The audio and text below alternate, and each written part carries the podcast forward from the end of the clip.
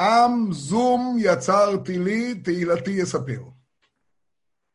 כל הקורונה באה לגלות מה אפשר לעשות עם הזום. עם זום יצרתי לי. ברוך השם, בעזרת השם, שנזכה לעלות ולמנף מכל הימים האלה לגאולה גדולה ולגאולה שלמה. אנחנו לא רק בתוך ספירת העומר, אנחנו היום בפרשה שעוסקת בספירת העומר. כולנו יודעים, יש כמה וכמה פעמים בתורה פרשיות של המועדות, וזו לא הפעם היחידה. צריך להבין למה כל פעם זה מופיע, אבל בכמה וכמה פעמים, כבר מספר שמות, מגיעים הפרשיות, אם מגיעות הפרשיות עם רשימת המועדים.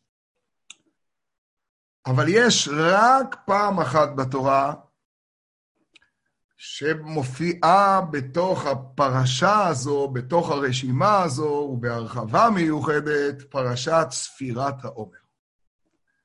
זה בפרשה שלנו השבת. זאת כמובן השגחה מיוחדת שתמיד תמיד פרשת ספירת העומר נקראת ככה בשיאה של הספירה, תמיד נקראת בתוך הספירה. ולא רק שמופיעה פרשת ספירת העומר, אלא מי שיש לו חומש, אנחנו נעסוק בפרק כ"ג, ומי שיש לו גם משנה במסכת אבות, גם נפתח את המשנה הראשונה של פרק ד', שהוא הפרק של השבוע. עוד מעט נראה איך נחבר את הדברים, אבל בינתיים אני רק אומר, בעיון בפרק כ"ג מלמעלה למעלה, ממש ברפרוף, שם מתחילה פרשת המועדים, פרק כ"ג, פסוק א', בפסוק ד' מתחילה הרשימה אלה מועדי השם, ותשימו לב לתופעה מעניינת מאוד, כל החגים מקבלים פרשייה. מי שפספס בקריאה ורוצה לדעת איפה אנחנו, אז יש פרשה בפני עצמה של ראש השנה. פרשייה בפני עצמה, בעשור לחודש השביעי, פרשייה בפני עצמה סוכות. ורק לחג השבועות אין פרשייה בפני עצמה. אין פרשה. חג נעלם. והפרשה של חג השבועות היא בעצם סיומה של פרשת ספירת העומר. זה נמצא בפסוק ט"ו בפרק כ"ג, וספרתם לכם ממחרת השבת את עומר התנופה, שבע שבתות תמימות תהיינה. וספרתם לכם ממחרת השבת. מעניין מאוד מאוד. אז ושם, בסוף הפרשה הזאת, תסתכלו בפסוק כ"א, אתם רואים? בכלל בלי פרשייה בפני עצמה. סופרים חמישים יום, ואז הוקראתם בעצם היום הזה, שתגיעו אליו אחרי הספירה, בלי פרשייה, כמובן בלי תאריך, כמובן בלי שם לחג. וקראתם בעצם היום הזה, מקרא קודש יהיה לכם כל מלאכת עבודה לא תעשו, חוקת עולם בכל מושבותיכם לדורותיכם. והמעניין הוא שזה אפילו לא רק פסוק הסיום, אלא אחר כך בא עוד פסוק, ובקוצריכם את קציר ארציכם. פסוק שבכלל לא קשור. גם לא קשור לפרשיית המועדות. רש"י רק אומר, הוא בא לשים איזה מין משהו ביניים בין הפרשה של פסח, ספירת העומר, שבועות, לפרשת חגי תשרי, שזה יהיה הפסוק הבא. ראש השנה, יום הכיפורים, סוכות ושמיני עצרת. טוב, אז אם כן, ודאי שצריך לעסוק בספירת העומר הזאת, ואנחנו ניכנס אליה מיד בעזרת השם. פסח, ספירת העומר ושבועות, ואני אבקש הפעם גם לראות את מכלול המועדות, לא רק את היחס של שלושת אלה ואת ספירת העומר במרכז, אלא את היחס של כל המועדים כולם כמכלול אחד. את זה אני אבקש ללמוד בהמשך, וזה פלא פלאות בעזרת השם, דרך אותה משנה שפותחת את הפרק הרביעי של מסכת אבות, כדאי שגם הסידור או המשנה הזאת תהיה פתוחה. היא ודאי זכורה לכולם, מי שאין לו ספר לא צריך לרוץ, זה בסדר גמור. זו המשנה שהיא הכותרת של הפרק הרביעי. בן זומא אומר, זוכרים בטח בעל פה, איזהו חכם, נכון? הלומד מכל אדם, איזהו גיבור, הכובש את יצרו, איזהו עשיר, השמח בחלקו, ואיזהו מכובד, המכבד את הבריות.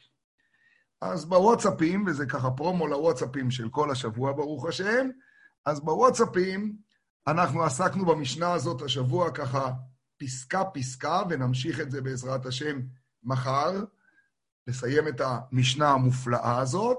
הפעם אני רוצה לראות את המשנה הזאת בהקשר שלנו, ואני אוסיף עוד סוגריים, ככה, מה אנחנו שמים על השיש, כמו בשיעורים תמיד, לפני שמתחילים.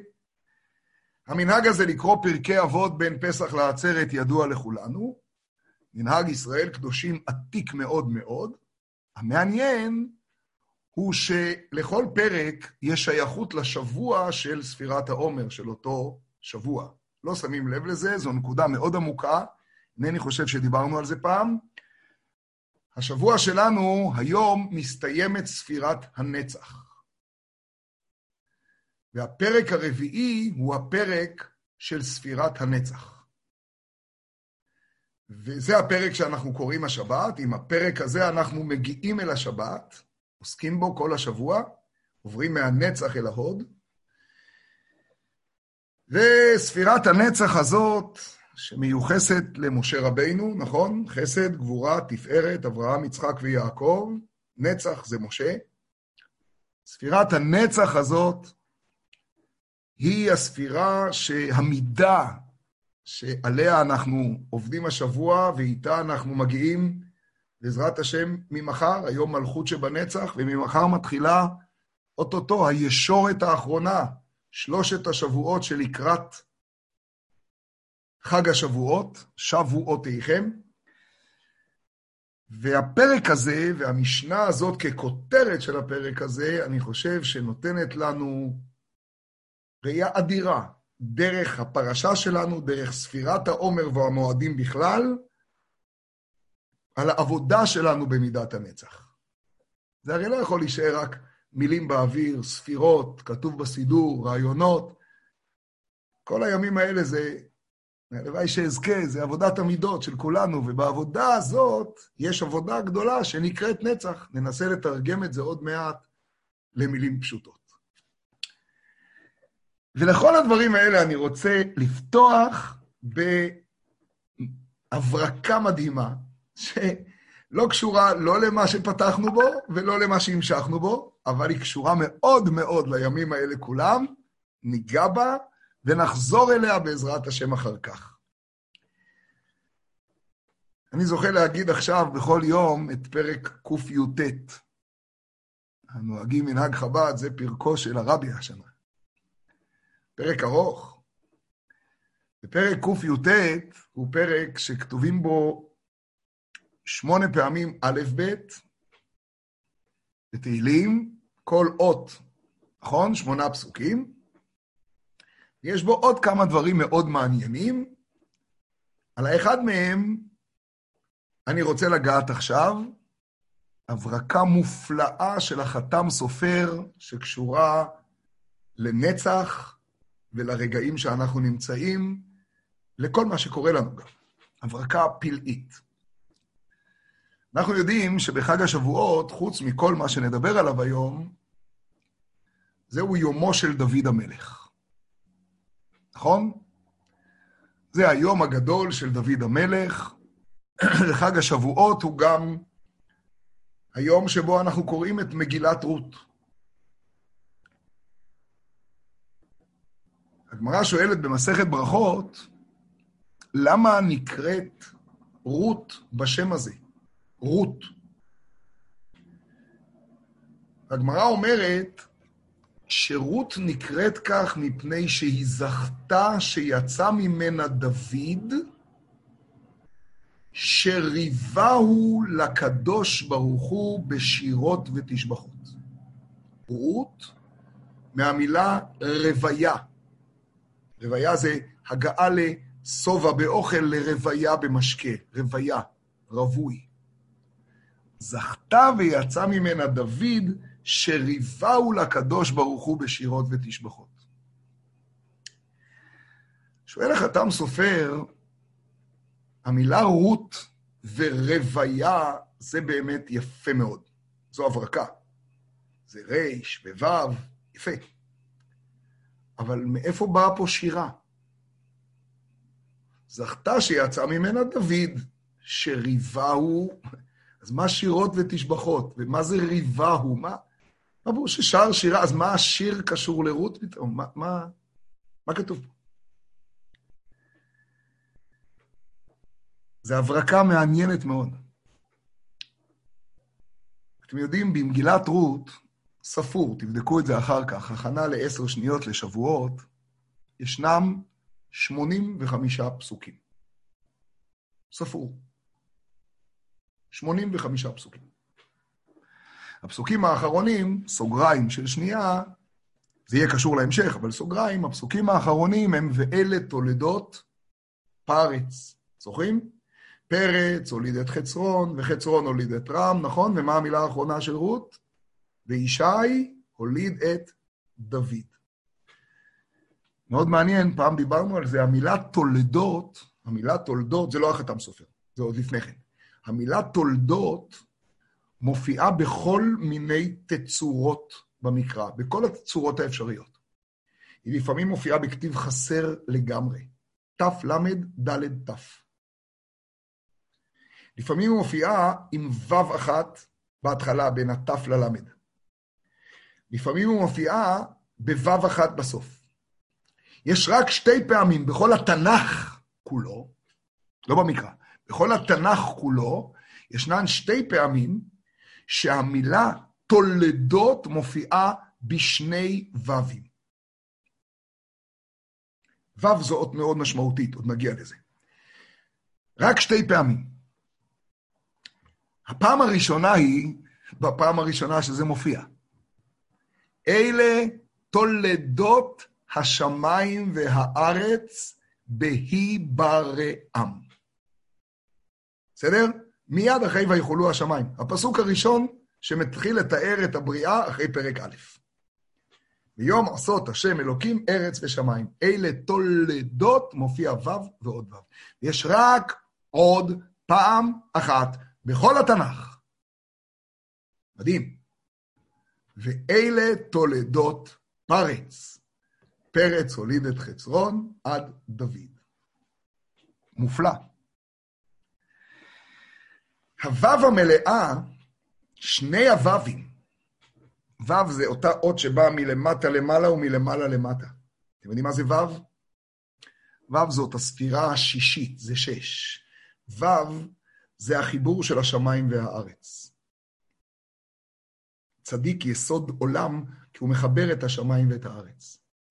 בעצם כל מה שבאנו הנה לעולם, ושהקדוש ברוך הוא הוריד את הנשמות שלנו הנה לעולם, וכדי שאנחנו נעלה את הארץ לשמיים, ונרומם פה את הכל, עוד מעט נדבר על זה. זה כל עניין ספירת העומר, זה כל הימים האלה, זאת ההכנה לחג השבועות, נגיע. זה לא במקרה שחג השבועות הוא גם מתן תורה, שלא כתובה בפירוש בתורה במכוון, והוא גם דוד המלך, זה, זה לא סתם. ורות, דקה, זה פלא פלאות. אז התולדות שמופיע בבריאה, בו"בים מלאים, מופיע רק עוד פעם אחת במלא, והוא בתולדות שמביאים את משיח לעולם. ואלה תולדות פרץ. פרץ הוליד את חצרון, בן פרצי, פרץ. אנחנו קוראים לדוד המלך בן פרצי כשאנחנו רוצים לתאר את זה שהוא חודר הכל, במקומות הכי נמוכים, הוא פורץ. על יד בן פרצי ונשמחה ונגילה. למה נשמחה כל כך? כי בן פרצי יפרוץ הכל, לא יישאר שום דבר חסום, הכל ייפרץ. אוקיי, יפה מאוד. אבל עכשיו אנחנו מגיעים לנקודה הגדולה. שאלנו למה נקרא שמה רות, מפני שזכתה ויצא ממנה דוד, שריווהו לקדוש ברוך הוא בשירות את תשבחות. תשמעו, חבר'ה, זה פינפלואים. במגילת רות אמרתי, ישנם 85 פסוקים.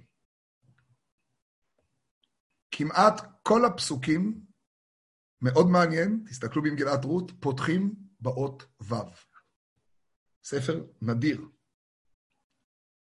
שמונה פסוקים לא פותחים באות ו'. בעברית פשוטה, 77 מתוך 85 פסוקים פותחים בו'. רק שמונה פסוקים לא פותחים בו'. אומר החתם סופר, תשמעו טוב. אילו היו כל פסוקי רות פותחים בו',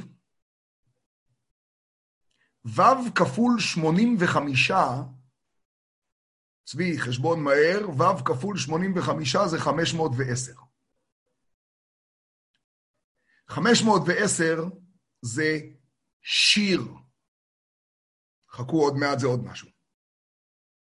אתם יודעים מה ההבדל בין שיר לשירה? אמרנו בליל הסדר.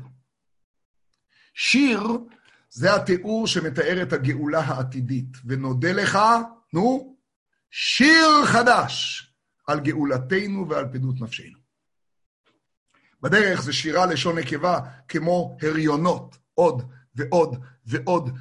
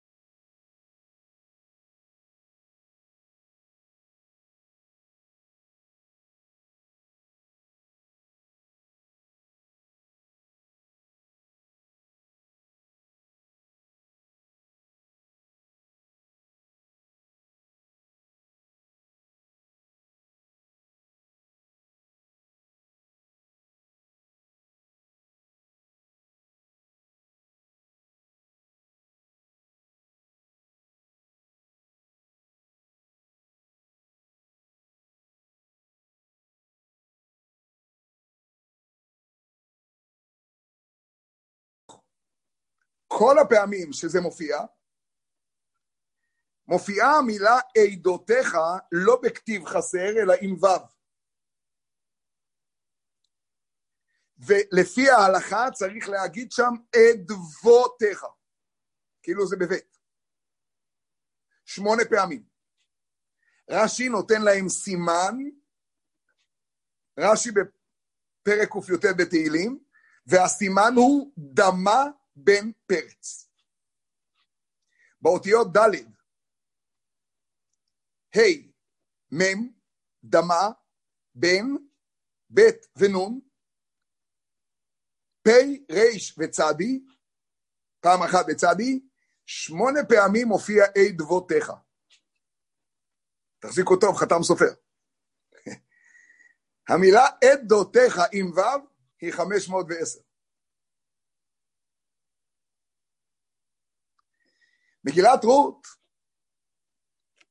היא הפתיחה לדרך אל הגאולה השלימה שמופיעה בדוד המלך ובמשיח בן דוד. הגאולה הזאת תופיע כשהחיבור של הוו יהיה מושלם. רות הושלמה לשיר על ידי האי דבותיך, על ידי שמונה הו"בים של דוד המלך בתהילים קי"ט. אומר החתם סופר, לכן הסימן הוא, תראו איזה דיוק, איזה חז"ל.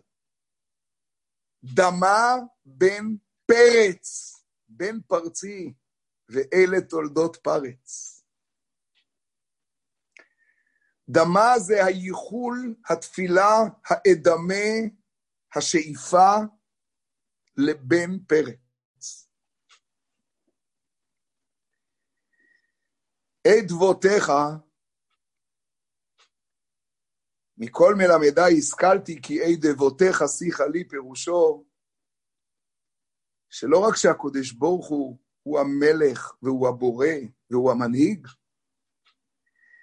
אלא התפקיד שלנו הוא לגלות איך כל אדם וכל דבר בעולם, גם כשהוא נראה לנו הכי הפוך, הוא עדות על הבורא. המפרשים אומרים שתוספת הוו באה גם כדי להגיד את המילה עדות בעדותיך, וגם כדי להוסיף ולהגיד את המילה עדי. אתם יודעים מה זה עדי? תכשיט. איך כל אדם הוא תכשיט, איך כל בריאה היא עדות לבורא, אז יבוא הוו בשלמותו מלמעלה למטה ומלמטה למעלה. רות נקראה רות כי היא אימה של מלכות, ודוד המלך שם לה כיסא, ומכוחה, מכוח היכולת הזאת להביא מהמקום הכי נמוך, ממואב, מלוט, ממואב וממלך מואב, משדה מואב, לגלות איך כל הבריאה כולה היא אי דבותיך.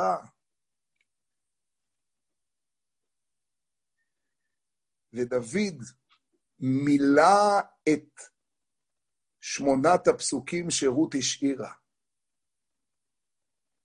היא השאירה את הלמעלה מהטבע, שמונה פסוקים, שיבוא דוד ויסגור את הוו מלמטה למעלה ומלמעלה למטה.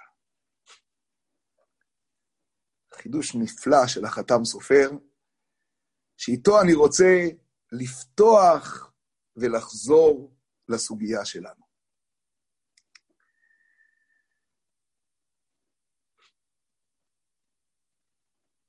פסח, ספירת העומר וחג השבועות, כפי שראינו, הם בעצם, במקרא עצמו, חג אחד גדול.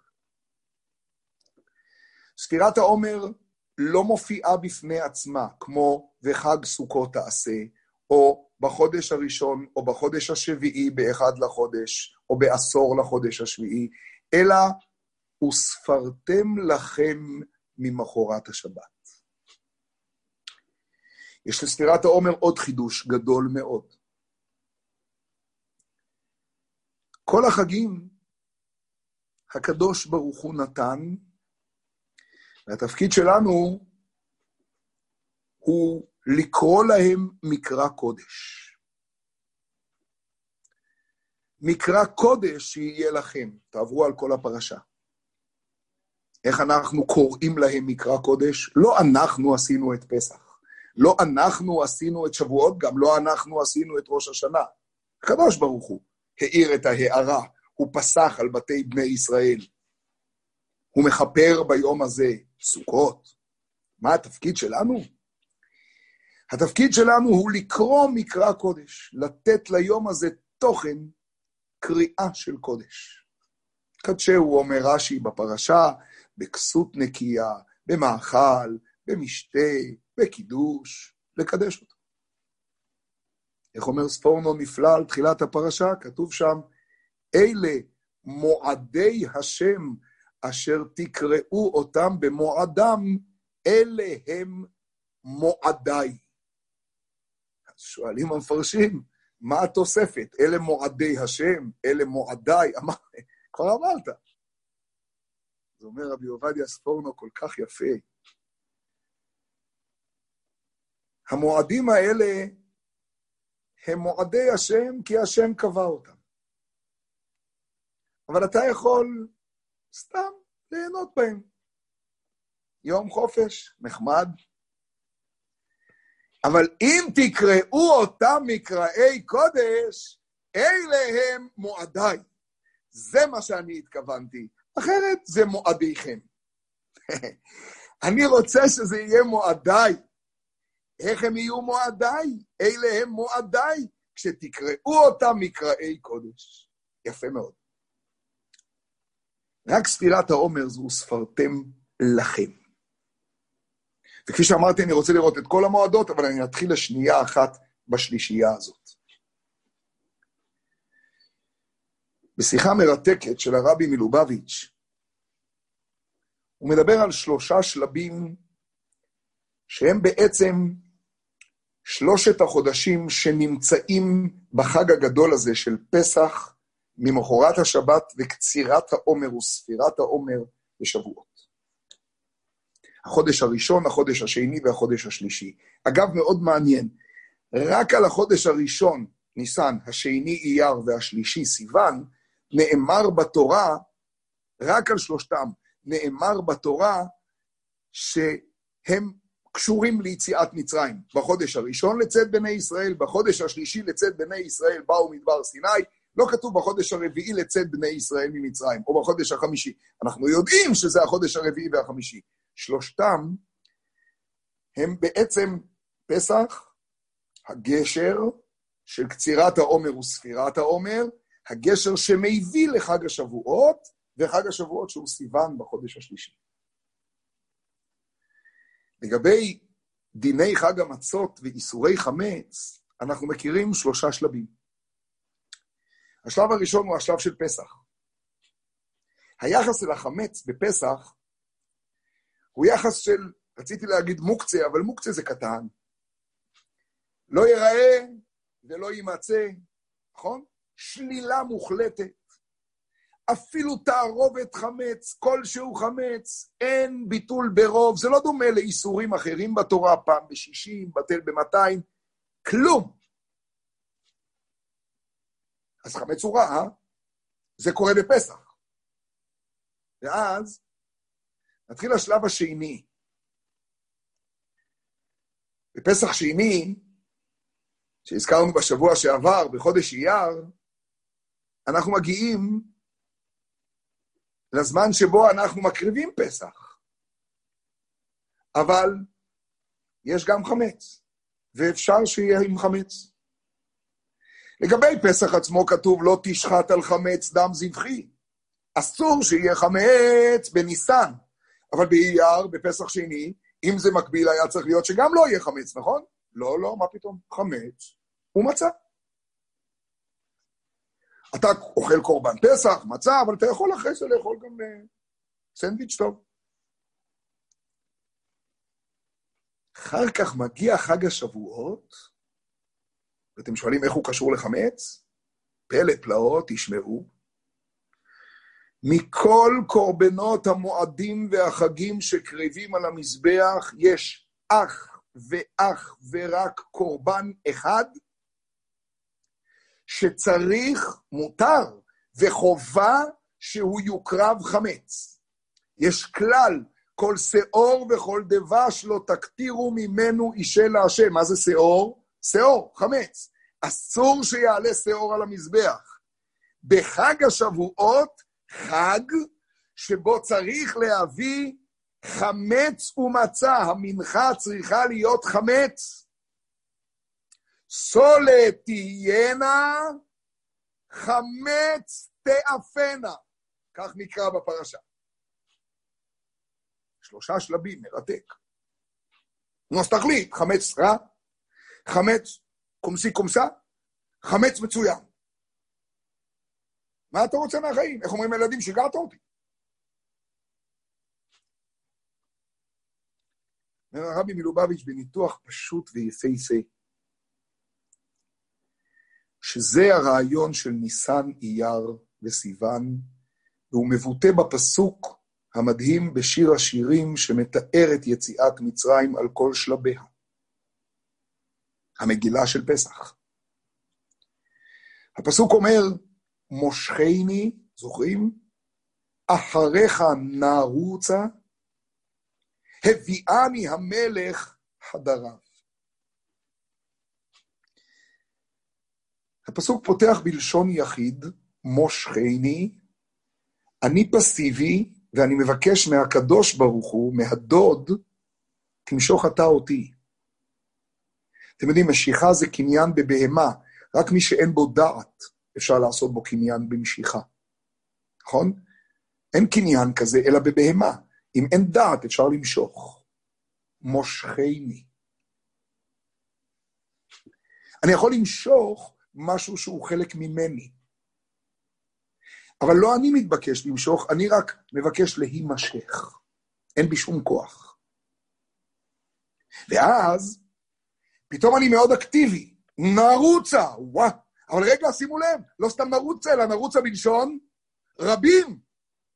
הלו, מי יצטרף לעסק? אמרתי היום לחבר'ה, אתם מכירים בטרמפים? כשאתה עוצר טרמפ, מישהו מחכה, מסכן כזה, עייף כזה בלילה, אתה עוצר לו, אתה פותח את הדלת ופתאום, לופס, חמישה חבר'ה קופצים, מכירים? מושכני, ככה תמים, נחמד, אחריך נרוץ על כל הג'מארה פה. מי, מי, מי בחבילה? את מי צירפת? שניים במחיר אחד. ופעיל מאוד. ואז חוזרים ללשון יחיד. הביאני, מה, לא הסכימו להכניס בטרנד?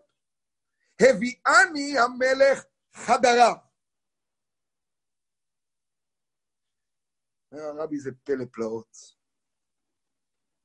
מושכני זה המצב שלנו במצרים. מושכני אומרת הנשמה של היהודי, הנפש האלוקית, החלק אלוה ממעל, שנמצאת בתוך הגוף, והוא נמצא במ"ט שערי טומאה, והנפש הבהמית הזאת, הדבר האחרון שהיא רוצה זה מושכני. מה לה ולמושכני? תשחרר אותי. אבל הקדוש ברוך הוא שם את הנשמה הזאת בתוך הגוף הקדוש הזה, עוד רגע נדבר עליו, זה לא טעות.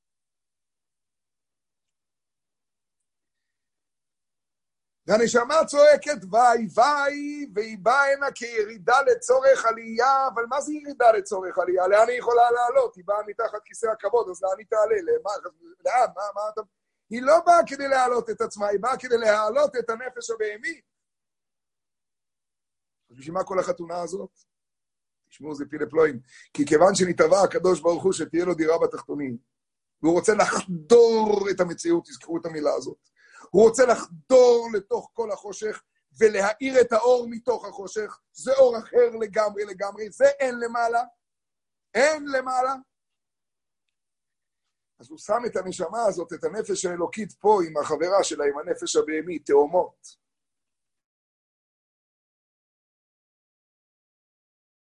ממקום מאוד, כי כשאתה זורק משהו שנופל ממקום מאוד מאוד גבוה למקום מאוד מאוד נמוך, אז הוא יורד נמוך מאוד. אבל זה לא כי הוא נמוך יותר, היא עליונה מאוד.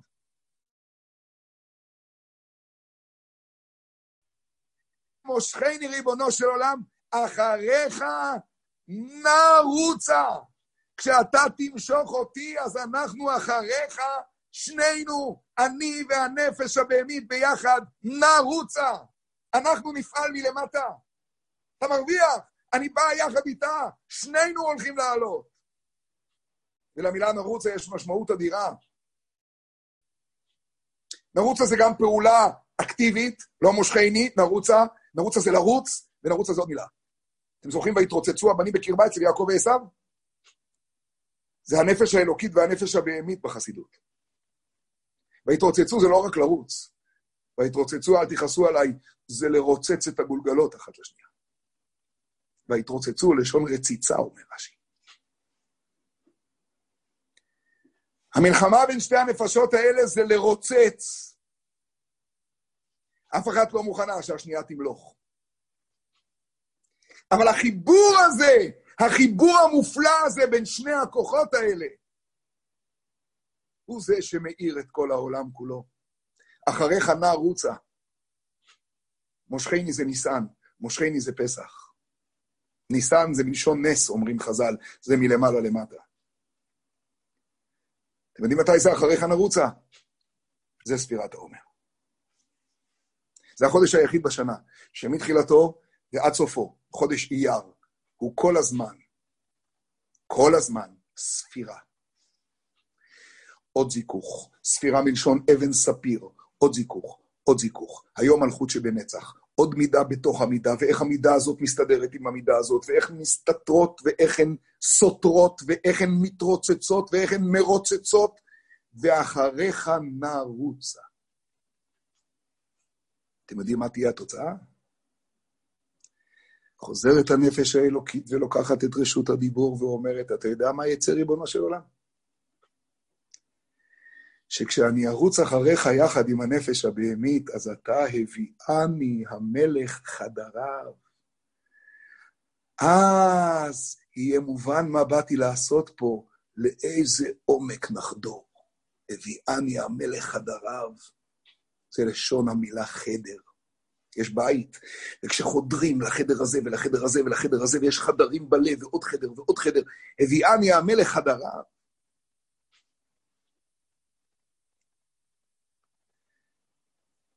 זה המהלך של פסח, אייר ושבועות. לכן אייר הוא חמץ ומצה, חמץ ומצה, חמץ ומצה. אין טעם לפסח שני אם אין בו גם חמץ. מי אמר שחמץ זה רע? החמץ הוא רע כי אני נותן לו ישות, כי אני נותן לו משמעות עצמית. לכן אני הורס אותו. אבל כשאני מתחיל את כל הסיפור בנצח, עוד מעט, כשאני מתחיל את כל הסיפור בפסח, ומבין שהוא בטל ומבוטל כאפרא דארעא. אתם יודעים מה זה אפרא דארעא? אל תכעסו. כולן. nice to meet us. כל דבר זה עפרא דארעא. אתם יודעים איך אפשר לבטל חמץ בלב? זה הרי נשמע מוזר מאוד. לך לכל כימאי והוא יגיד לך שהעוגה הזאת זה עוגה, מה אתה אומר לי שזה בטל ומבוטל? מה, אתה עושה צחוק? זה בטל ומבוטל, כי זה שקית קטנה, נראה אותך מבטל מאפייה. אתם יודעים מה התשובה? זה באמת בטל ומבוטל. בואו נסתכל ונפרק רגע את הלחם הזה. בואו נפרק רגע את החומר. בואו נפרק רגע את המחשב הזה. בואו נפרק רגע את השולחן הזה. זה אף דעה. אתם יודעים איך אני מסיים כל יום 18 שלוש פעמים? ריבונו של עולם, תעשה לי טובה, אני מבקש ממך, תן לי שנפשי כעפר לכל תהיה. אתם יודעים מה הפירוש כעפר לכל תהיה? ביטול מוחלט. אתם יודעים מה יוצא מביטול מוחלט? מי שחושב שכעפר לכל תהיה זה שאז אפשר יהיה לדרוך עליי, לא הבין כלום. תן לי שנפשי כעפר לכל תהיה, ואז אני אוכל להצמיח בלי סוף. אבל בשביל להצמיח, אני צריך להאמין שכל כוח ההצמחה בא ממך, שלאדמה אין שום כוח בפני עצמה. יש לי זרעים, ואני מניח אותם באדמה, אבל הזרעים שלי ולי אין שום כוח. קחו את הזרעים האלה ושימו אותם בשקית. הכוח נובע מזה שאתה, ריבונו של עולם, נותן חיים שם למטה לאדמה. אני, כמו עץ השדה, צריך להתרוצץ ולרוצץ שם את הכוחות, להילחם בפנים, תראו איזה זרע רקוב בפנים למטה. ומזה, כשנפשי כעפר לכל תהיה, וואו, מה יצמח. זה פסח, עפר. ואז באייר אני גם חמץ וגם מצה. ואז אני מגיע למתן תורה. אבל זה חג בלי פרשייה. זה חג שאני יכול להגיע אליו, שימו לב, לא רק למילה וספרתם, אלא שימו לב למילה לכם. זה לא הקודש ברוך הוא יוצר את ספירת העומר. זה הדבר היחיד שאנחנו עושים, וספרתם לכם. רק עוד פעם אחת מופיע בפרשה הזאת לכם. ולקחתם לכם פרי עץ אדם. כל הפעמים האחרות זה מקרא קודש יהיה לכם. כלומר, אתם תקראו מקרא קודש את מה שאני הערתי בעולם. מצוין. אבל הספירה היא לכם, אני לא יכול לתת לו תאריך, לא שם. אתם יודעים איך נקרא החג הזה בפרשה אחרת? לא סתם שבועות. בשבועותיכם תקריבו. זה שבועות שאתם יצרתם בכלל. זה made in Israel. זה made in אייר. מושכני, אחריך נרוצה, הביאני המלך חדריו. זה הוו של דוד המלך. זה הוו שיכולה לחבר את הארץ ואת השמיים. ואז מגיעים חגי תשרי. באמצע יש פסוק אחד, שנראה לא קשור, מי שיסתכל יראה, ובקוצריכם את קציר ארציכם לא תכלה פאת שדך בקוצריך, פסוק כ"ב. לא נראה קשור בכלל. רש"י אומר עליו, מה זה עושה פה בכלל הפסוק הזה? זה רק בא להגיד שכל הנותן לקט שכחה ופאה, שכל הנותן לקט שכחה ופאה להעניק כראוי מעלין עליו כאילו בנה בית המקדש והקריב עליו קורבנותיו בתוכו. ומה ראה כתוב לתנם באמצע הרגלים, פסח ועצרת מכאן בראש השנה ויום הכיפורים מכאן. זה רק בא להגיד שיש דרך לעשות את זה, היא עוברת דרך הקשרים בינינו. זה לא מילים, זה לא דיבורים. חכו. ואז אני מגיע לחגי תשרי, ומה התפקיד שלהם? לזה אני רוצה להגיע מהמשנה שפותחת את פרק רביעי של מסכת אבות.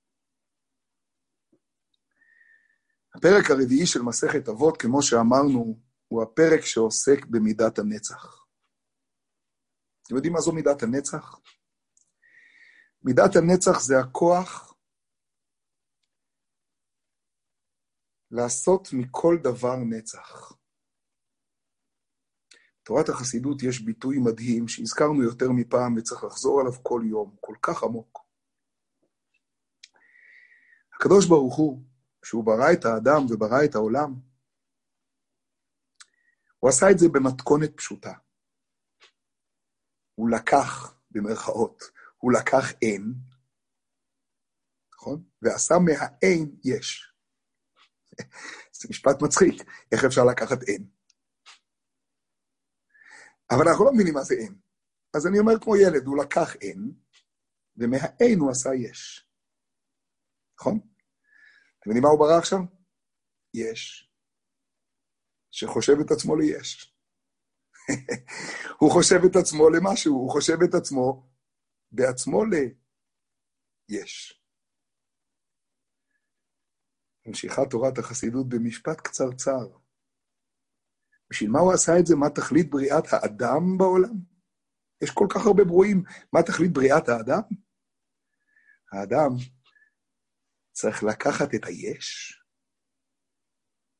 ולעשות ממנו אין. שמעתם? הקדוש ברוך הוא לקח אין ועשה ממנו יש. כדי שאנחנו ניקח את היש ונעשה ממנו אין. אתם יודעים מה זה נעשה ממנו אין? העין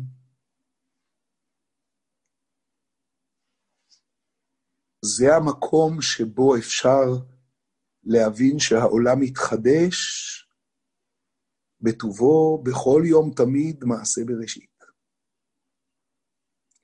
אתם יודעים מתי אדם נמצא בייאוש? כשהוא חושב שאי אפשר לשנות את היש.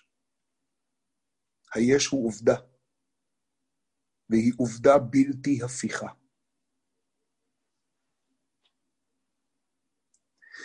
אבל כשאתה תופס שכל היש הוא עולם, הוא מעטפת,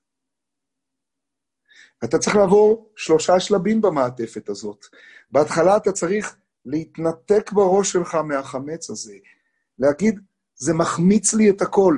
לא, לא, לא, לא, אני לא רוצה לראות את זה ולא רוצה, אני רוצה לרגע לתפוס, לא, לא, רק הוא, אין עוד מלבדו. אבל אל תישאר במצב הזה. אחר כך תחזור ותצא לשדה ותקצור את קצירת העומר. ותתחיל לאכול מהתבואה החדשה. אנחנו עוסקים יותר מדי בספירת העומר ופחות מדי בעיקר, בקצירת העומר. ספירת העומר זה חג של ארץ ישראל בלבד. ממחרת השבת צריך לצאת אל השדה. גם אם זה יוצא בליל שבת, כידוע. ולעשות את עבודת הקודש של וקצרתם את קצירכם, ורק אחר כך אפשר לאכול מהחדש, מהתבואה החדשה. כל חברה, כל אומה רוצה לאכול, כל אומה רוצה לאכול ממה שהיא שתלה, ממה שהיא זרעה. אני זרעתי, אני שתלתי. למה לא מגיע לי? למה הוציאו אותי לחל"ת? אני בניתי. ורגע אחד עושים לך חמץ, ואומרים לך, אח שלי, סליחה על הישראלית, למה מי אתה? למה מאיפה באת, כמו שאומרים הישראלים? אין עוד מלבדו, מותק. יש הקודש ברוך הוא, איך הוא שר שם אדירן? בעצם, יש רק הקודש ברוך הוא. בעצם, בעצם, יש רק הקודש ברוך הוא. זה לוקח המון זמן לקלוט את זה. ואז אני בא לאייר ומצליח לעשות מהיש אין ולברוא מקומות שלא ידעתי בכלל שאני יכול לברוא אותם. ולתת לכל יום את הספירה שלו. היום יום אחד, היום שני ימים. איפה אני ביחס ליום? איפה אני ביחס לשבוע? איפה אני ביחס למכלול של מושכני, אחריך נרוצה, הביאני המלך הדבר. נצח זה הכוח לחבר כל דבר אל האין סוף. זה מאוד קשה. יש לנו שבעה רועים, אברהם, יצחק, יעקב, בהמשך נגיע לסוכות בעזרת השם. לכל אחד יש תפקיד, אברהם רואה בנו את החסד, רואים זה כמו רועי צאן, שהקדוש ברוך הוא בעל הצאן הזה, אתם צאני, אנו צונך, ריבונו של עולם, נתן לרועים לראות אותם. לראות זה לא סתם לקחת ולשיר עם החליל ככה לנגן, זה גם להאכיל אותנו את האוכל שאנחנו צריכים, כמו רועה טוב. אתם יודעים מה צריך להאכיל אותנו, משה רבנו? הוא ראיה מהמנה. זוכרים? ראיה מהמנה זה לא רק רועה נאמן, הוא מפרנס אותנו את האמונה. אתם יודעים מה זו אמונה? אמונה זה אימונים כאלה להתרגל, להרגיל את עצמי, אימונים כל פעם מחדש, לראות את היש ולהבין שהיש הזה הוא מעטפת של האין עוד מלבדו. אתה מחיה את כולם. מתי? כאן, עכשיו. היי, אבל תראה איזה נגע נראה לי בבית. זה נראה כאילו זה הסוף. לא, לא, לא, אח שלי. לא נראה לך נגע בבית. איך קראנו בפרשה הקודמת? כן נגע נראה לי בבית. ככה אתה רואה את זה. זה כל כך חשוב. הפתיחה של יהודי כשהוא רואה נגע זה כן נגע. כמה אני משתוקק לשמוע בפתיחת החדשות את סיכום היום שלה כקורונה. כקורונה. זה נראה נגע, נורא, אבל זה בא למנף משהו שמזכיר לי דרך החמץ עכשיו את ה... אחריך נרוצה, ואנחנו נגיע לזיכוך שעוד לא הגענו אליו, וזה נצח. אז הביאני המלך עד אז נחדור את האלוקות בתוך המציאות, אז נחדיר את האור בתוך החושך, ואז נגיע לוו הגדולה הזאת של עדותיך, ונגלה שכל בשמיים ובארץ, אתם יודעים שהצדיק, הספירה השישית נקראת יסוד. יש כאן קונסטרוקטורים בין החבר'ה. יסוד זה מה שאתה לא רואה, לכן צדיק יסוד עולם בשבעה נעלם. אתם יודעים מי זה הצדיק? אנחנו אומרים בפסוק לך השם הגדולה, נכון? חסד, הגבורה, הגבורה, התפארת, הנצח וההוד. נו, ואז? ככל בשמיים ובארץ, לך השם הממלכה. אז על מה פספסנו? על השישית, נכון? יסוד. שוב גימטריות. כמה זה קי קול? כך כתוב בספרים הקדושים. כמה זה קי קול? גימטריה מאוד פשוטה. קי קול, 30 ועוד 50, 80. יסוד. זאת הספירה השישית. אתם יודעים למה? כי היסוד הוא הוו, שמאפשר לארץ לדעת שהיא מקושרת ומקבלת את השורש בשמיים. ואלה תולדות פרץ, זה האביאני המלך עד הרב, זה תולדות הפרץ שמצליח לפרוץ את כל החורים ולחדור את הכל, ולהביא סיבה בכלל לזה שהעולם הזה נברא. אלה תולדות ו' ו' השמיים והארץ בהיברעם. אומר שם רש"י, אל תקרא בהיברעם, אלא באברהם, בזכות אברהם. יודעים למה? כי הוא מתחיל את שבעת הרועים.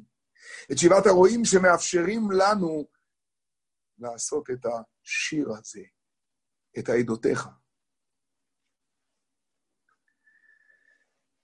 רעי ואהוביי, יש כאן משהו שהוא פלא פלאות, תשמעו טוב. בן זומא, שפותח את הפרק הרביעי של מסכת אבות, מדבר על ארבעה דברים. חוכמה, נכון?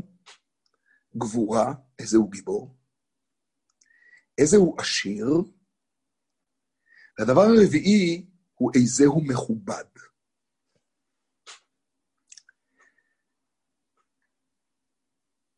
שלושת הדברים הראשונים הם מושגים שבן זומא באמת בא להפוך לנו את הראש ולהביא אותנו אל הנצח. מאוד ברורים, אני אסביר.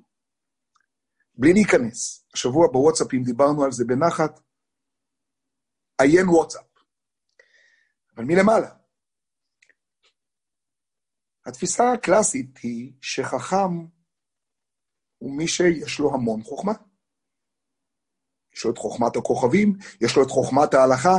זה לא רק התפיסה הקלאסית, זאת גם אמת. כשאני הולך לחכם כדי לשאול אותו הלכה, זה צריך להיות חכם.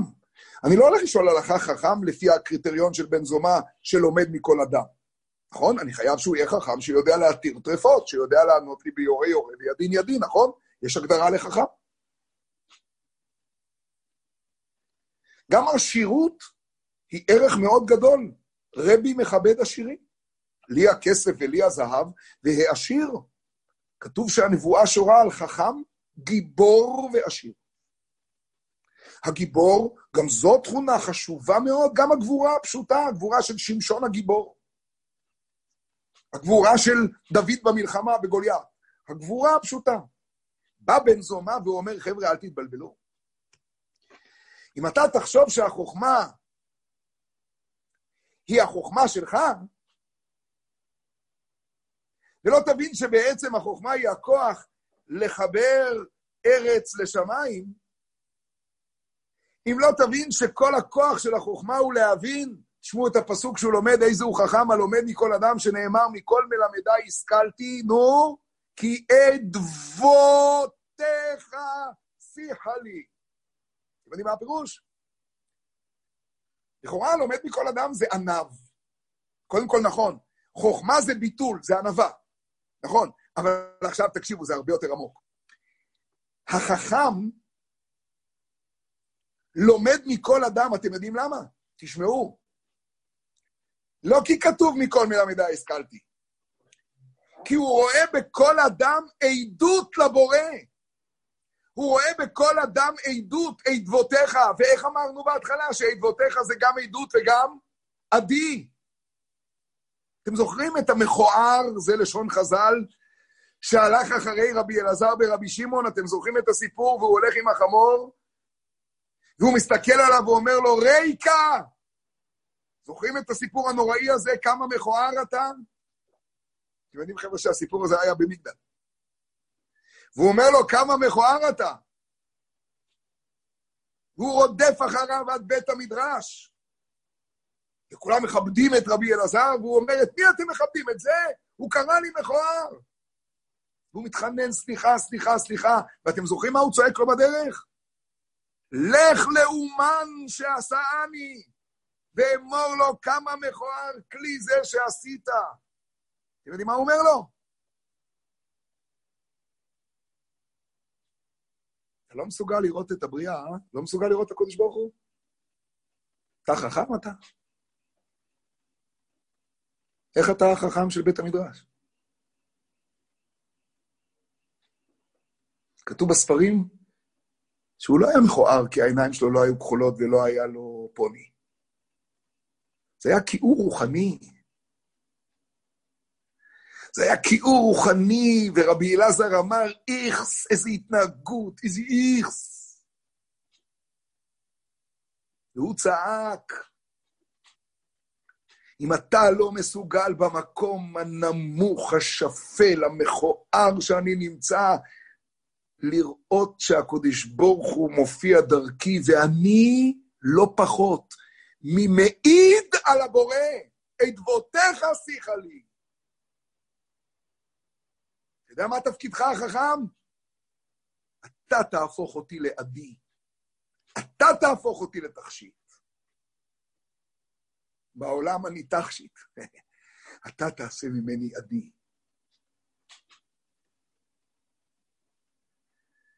וכך, בגיבור, ודאי שגבורה היא ערך גדול. בא בן זומא ואומר, אבל אתם יודעים מהו הגיבור האמיתי? הוא זה שמצליח לכבוש את יצרו, הוא מצליח למשול ברוחו ולהבין שמה שההוא עכשיו מעצבן אותי ובא לי עכשיו לתת לו בומבה בראש, כי הוא הרגיז אותי.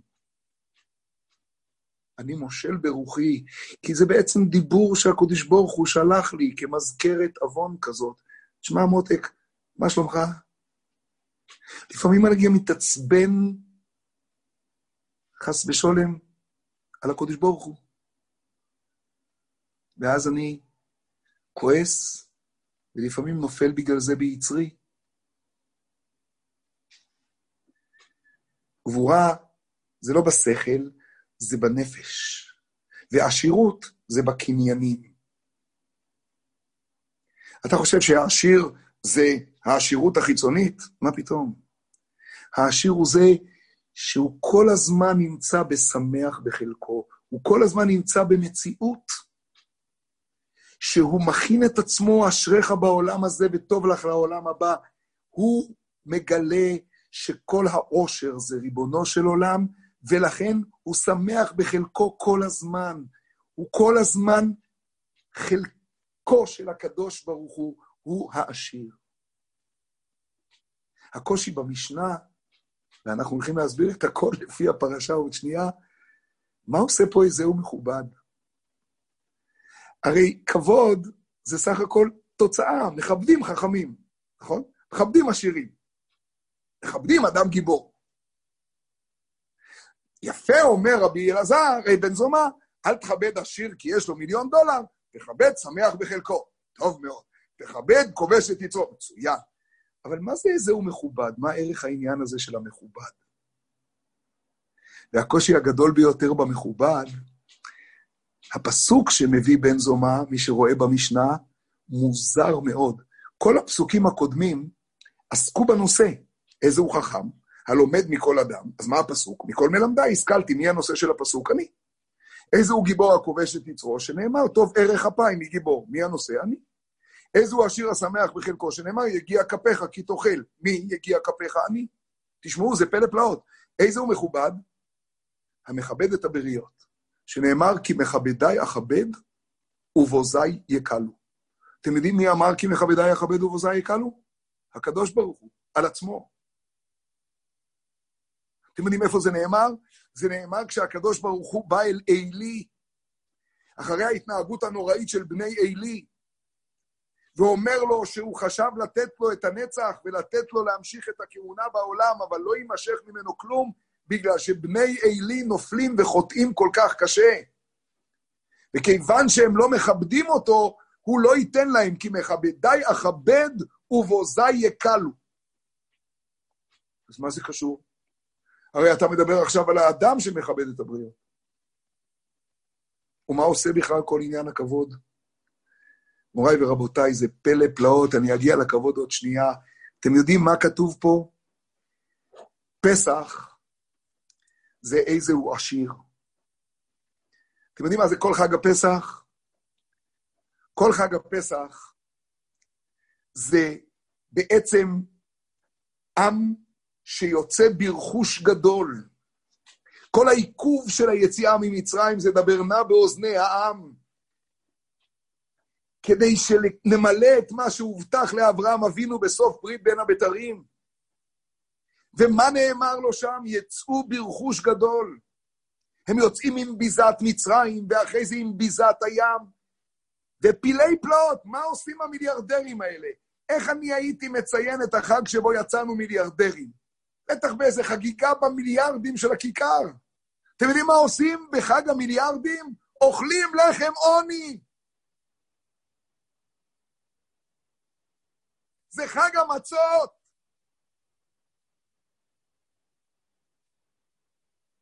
זוכרים מה קורה כשהעשירות מבלבלת אותי. זוכרים ויסע משה את ישראל מים סוף. זה גוואלד, זה החג שבו התעשרנו. בתמונה שלנו, כשאנחנו, גם בליל הסדר, מציירים את הסבים והסבתות שלנו יוצאים ממצרים, אנחנו מציירים עבדים עם שק קטן כזה, נכון? מי מצייר מיליונרים עם קדילקים? יוצאים עם כל רכוש מצרים ועם כל הרכוש בים שהיה יותר ממצרים. איך מתואר בשיר השירים? תורי זהב נעשה לך עם נקודות הכסף. איזהו עשיר. זה שיודע שהוא חלקיק, זה שהוא יודע שהוא חלקו, זה שיודע שהוא שמח בחלקו. ואז באה ספירת העומר, ואתם יודעים במה עוסקת ספירת העומר? בעבודת המידות, בעבודת הנפש, באיזה הוא גיבור, באחריך נרוצה. פסח עוסק בעשירות של זה שמבין שאין לו כלום משלו. הוא עשיר כי הוא חלק אלוקא ממעל. ספירת העומר עוסקת בגבורה, באחריך נרוצה, בהתרוצצות, ברוצצות, בגבורה הנפשית של הכובש את יצרו. גבורה שבחסד, חסד שבגבורה, תפארת, נצח, עוד מידה, עוד עבודה. וספרתם זיכוך, וספרתם לכם. אל תפספס יום, זאת עבודה קשה מאוד. ואז מגיעים לקבלת התורה, איזהו חכם. אז מגיעים אל החוכמה ומבינים שהחוכמה זה הלומד מכל אדם, הכל הקודש ברוך הוא דיבר איתנו. מתי הקודש ברוך הוא נתן לנו את לוחות העדות, את אדבותיך שיחה לי? מתי הוא נתן לנו את אדבותיך, ואז הוא נתן לנו את זה, אתם יודעים איך?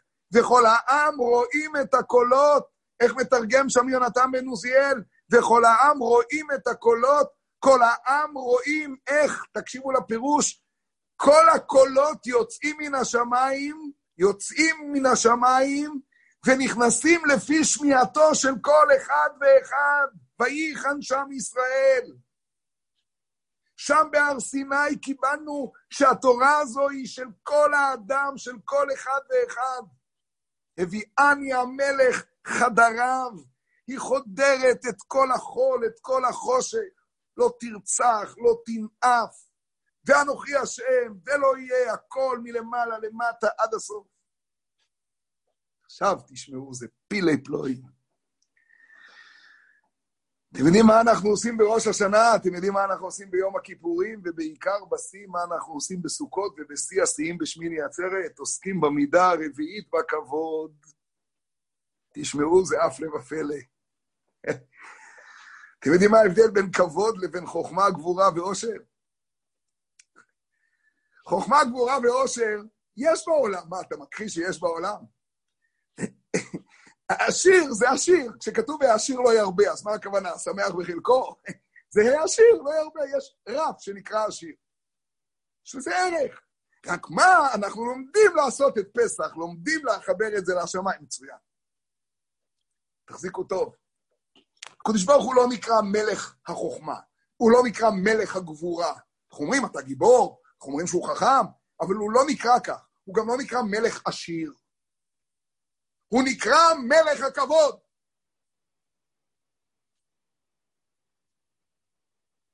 וכשמגיע ראש השנה, בליל ראש השנה, מה שאנחנו עושים זה רק דבר אחד, שום תפילה, שקט מוחלט, רק פנימית מפנימים לעצמנו.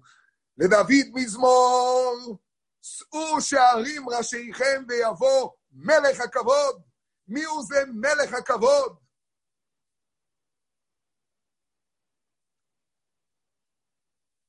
אתם יודעים מה זה כבוד? זה דבר פלא. חוכמה, גבורה, עושר, זה באמת דבר אמיתי. רק צריך לדעת לחבר אותו למקור. אני הולך להגיד משהו נורא עכשיו. כבוד זה דמיון, זה בלוף, זה בלבלה, זה קשקוש. אין דבר כזה בעולם. יש רק כבוד אחד, הקודש ברוך הוא. הוא מלך הכבוד. כבוד מלכים, חקור דבר. כבוד אלוהים, הסתר דבר. כבוד זה דמיונות. אתם יודעים למה מובא הפסוק כי מכבדי אכבד ובוזי יקלו? תשמעו, זה מהפכת עולם עכשיו. הרי שאלנו, זה פסוק על הקודש ברוך הוא, והוא נאמר אצל שמואל הלילי, זוכרים? תשמעו משהו. אתם יודעים מה זה כי מכבדי יכבד? למה בני עלי מקבלים את העונש? במה הם חטאו? כי הם לא כיבדו את הבריות. כי הם לא כיבדו את הבריות. הם לא לא כיבדו את השם. הם לא כיבדו את הבריות ולא כיבדו את השם. ואז בא הפסוק בשמואל, אני מפנה אותם מהמקום, וממנה את שמואל שהוא טוב גם עם אלוקים וגם עם אנשים. אתם יודעים מה זה כי מכבדי יכבד? מי שמכבד את הבריות, מפני שהם בריות, מפני שהם ברואים, משמע שהוא מכבד את האלוקות. מי שמכבד את מי שמכובד. משמע שהוא בכלל לא תופס אלוקות.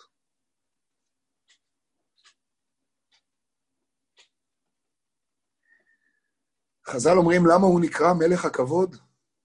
זה גוואלד. למה הוא נקרא מלך הכבוד? מה, כי כולם מוחאים לו כפיים? א', הוא לא צריך את זה. ב', זה לא נכון. אתם יודעים למה הוא נקרא מלך הכבוד? יש הרבה אנשים בעולם שלא מוחאים לו כפיים. העולם מלא כפירה. אומרים חז"ל שהוא נקרא מלך הכבוד כי הוא מכבד את כל הבריות.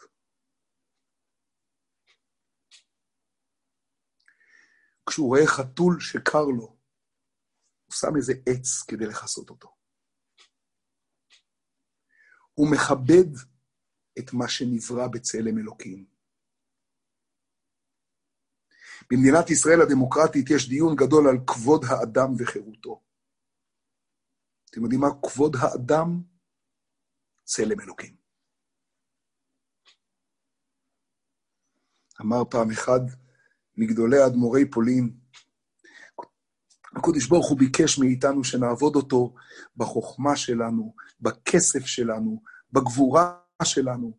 איזה נס שהוא לא ביקש מאיתנו שנעבוד אותו בגייבה שלנו. כי אם הוא היה מבקש שנעבוד אותנו בגייבה, על מה כבר יש לנו להתגאות? במה היינו עובדים אותו?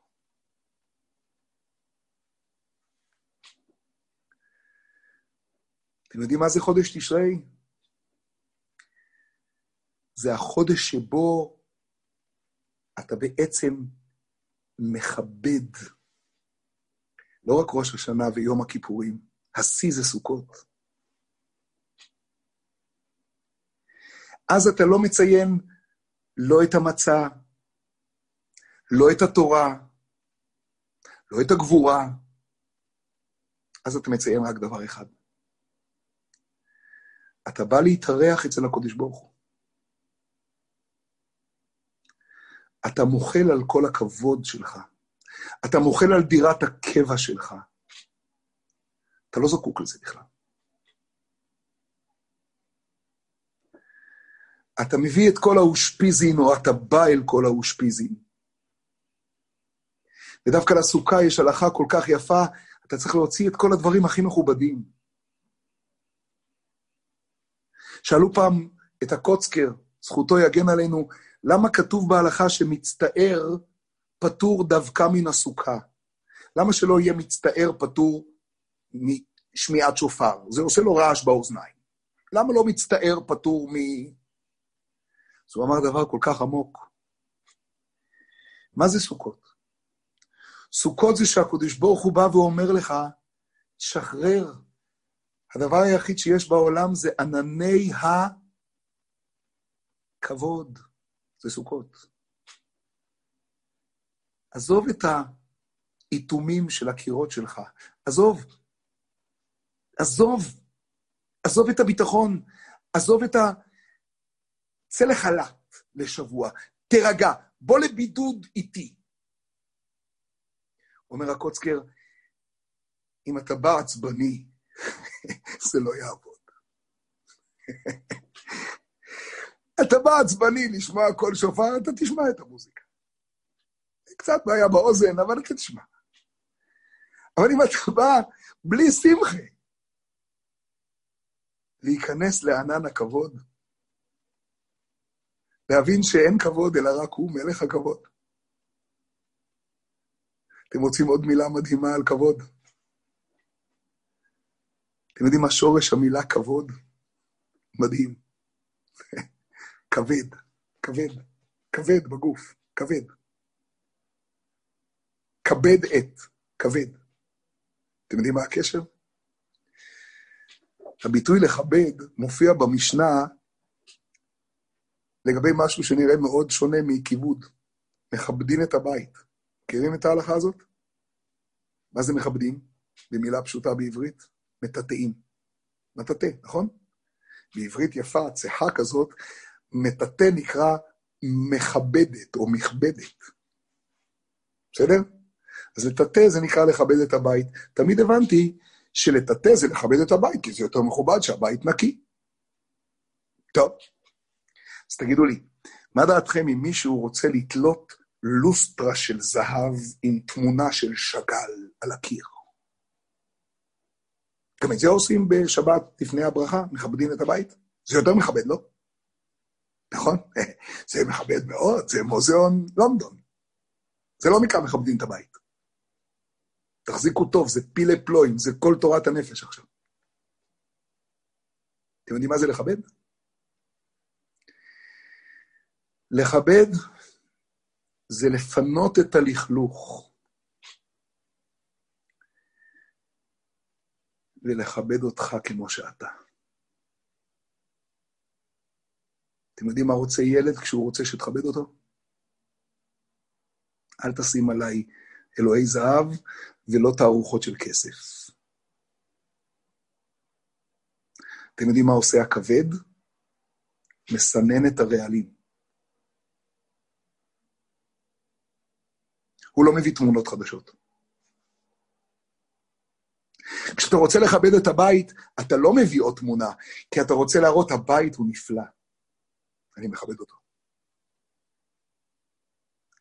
אתם יודעים מה נקרא כבודי? כשאומר דוד המלך, אורה, כבודי? אתם יודעים מה זה כבודי? הנשמה שלי. כך מסביר מיד רש"י. אורה כבודי. אתם יודעים למה? כי כבודי זה אתה, ריבונו של עולם.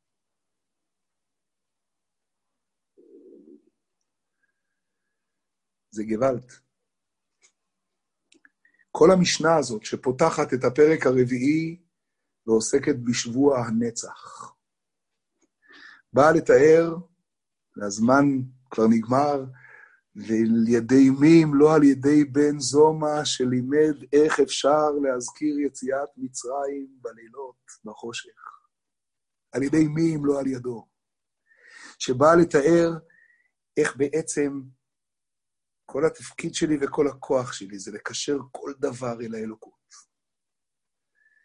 יש לי את שלושת הכוחות הגדולים שבי, הקניינים, הממון, שיכול לשגע אותי, ומרבה נכסים, ולהדאיג אותי, ולשגע לי את החיים, ויכול להביא אותי למקום הכי שמח כשאני חלקו.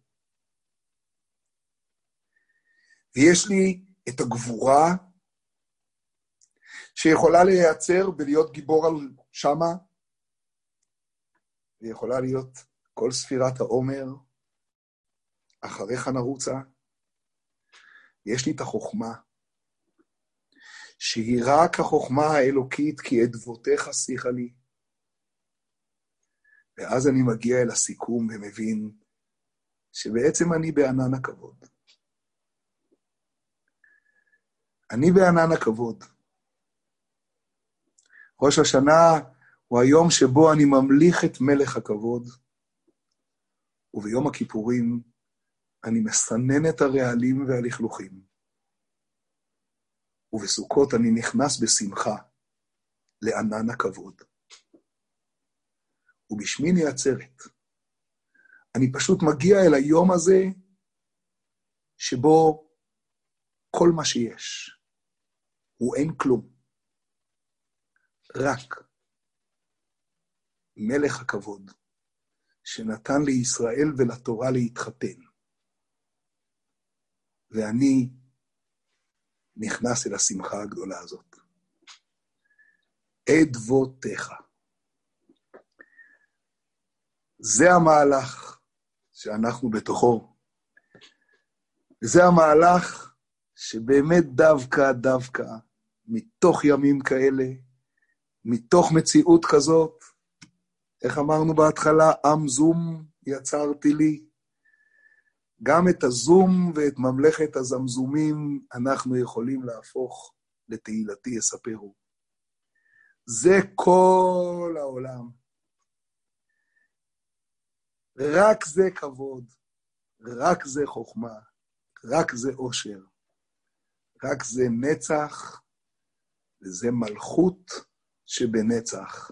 של דוד, שמשלים את רות, שגומר את אלה תולדות השמיים והארץ, בבבי. אדבותיך שיחה לי. איי, שנזכה בעזרת השם, בעזרת השם באמת לעבור מהימים האלה למתן תורה, מתוך שמחה, מתוך קדושה, מתוך ישועה, מתוך רפואה שלמה עלינו ועל כל ישראל.